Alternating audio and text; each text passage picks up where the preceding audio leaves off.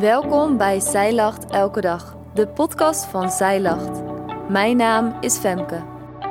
Dit is de overdenking van 2 januari, geschreven door schrijfster Marije Dekker-Brandwijk. Het nieuwe jaar is net begonnen. Misschien heb je je voorgenomen om bepaalde dingen minder te doen, zoals je telefoon wat minder te openen of minder ongeduldig te reageren op bepaalde dingen. Paulus roept ons op om bepaalde dingen juist meer te doen en daarin te groeien. Paulus schreef een brief aan de Thessalonicense, een gemeente die hem aan het hart ging. Deze gemeente is op de juiste weg met hun geloof. Ze hebben het echt ervaren dat je door het geloof anders leert leven en denken.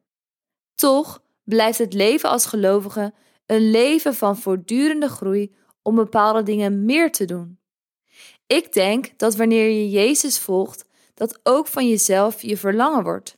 Nog meer groeien in Hem en je leven heiligen tot eer van Hem. Dit schrijft Paulus ook in zijn brief in 1 Thessalonicense 4 vers 1.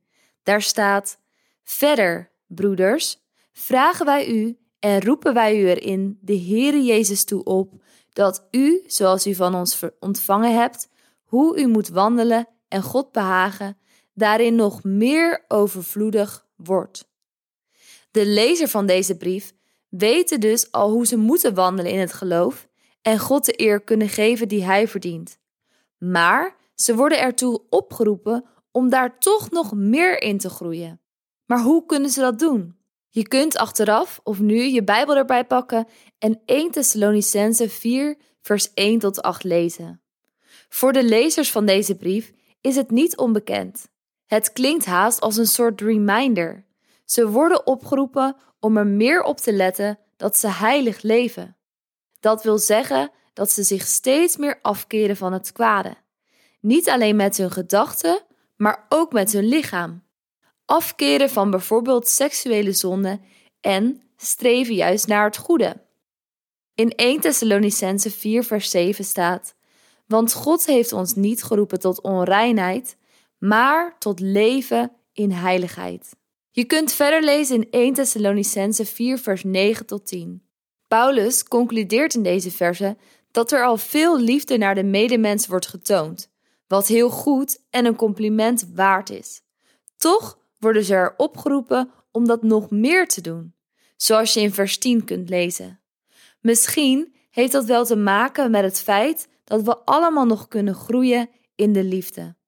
Alleen Jezus was volmaakt in liefde. Je kunt groeien in de manier waarop je liefde geeft of in wie je allemaal liefde geeft. Liefhebben zonder te kijken naar wie er voor je staat, bijvoorbeeld. Als ik voor mezelf spreek, heb ik het elke dag nodig om meer te groeien in de liefde. Om mijn hart steeds meer open te stellen voor iedereen. Daarover lezen we in 1 Thessalonicense 4 vers 11 tot 12. Op zoek naar meer kalmte in het leven. Dat kunnen we misschien allemaal wel gebruiken. Ik vind het mooi hoe dit in een Engelse Bijbelvertaling staat. In 1 Thessalonicense 4 vers 11 staat dan: And to make it your ambition to lead a quiet life. You should mind your own business and work with your hands, just as we told you. Soms betekent een rustig leven leiden blijven doen wat je al deed en daarin proberen meer momenten van kalmte te creëren. Wat kun jij dit jaar doen om meer momenten van rust en stilte in je leven te brengen? Houd jij je bezig met je werk en meningen van anderen? En tot slot lezen we in 1 Thessalonicense 4, vers 13 tot 18, het laatste gedeelte van deze brief, die spreekt namelijk over hoop. Daar mogen we misschien ook wel weer meer naar verlangen en in groeien. Om de hoop meer vast te houden en te delen. Het leven kan moeilijk zijn en vol verdriet. Maar Paulus schrijft dat we niet hoeven te leven als mensen die geen hoop hebben. We mogen geloven en vasthouden aan de hoop dat Jezus terugkomt en dat er eens eeuwige vreugde zal zijn. Daar mogen we ook anderen mee bemoedigen, zoals in 1 Thessalonicense 4 vers 18 staat. Zo dan, troost elkaar met deze woorden. Voordat je gaat, wist je dat we vanaf 1 januari samen de Bijbel in één jaar zijn gaan lezen? Ik wil jou uitnodigen om dit samen met ons te doen. Je kunt nog de Zijlacht Bijbel in een jaar bestellen via onze website of het gratis Bijbelleesrooster. En vergeet niet om vrijdag om 11 uur onze wekelijkse podcast te luisteren over Zijlacht Bijbel in een jaar, waar Lisa en ik kletsen over de gelezen stukken. Lees jij mee? Dankjewel dat jij hebt geluisterd naar de overdenking van vandaag. Wil je de overdenking nalezen? Check dan onze website. Je vindt er ook meer toffe dingen die jou helpen om de Bijbel vaker te openen, zoals boeken, Bijbels, cursussen en evenementen. Morgen ben ik weer bij je terug met een nieuwe overdenking. Tot dan!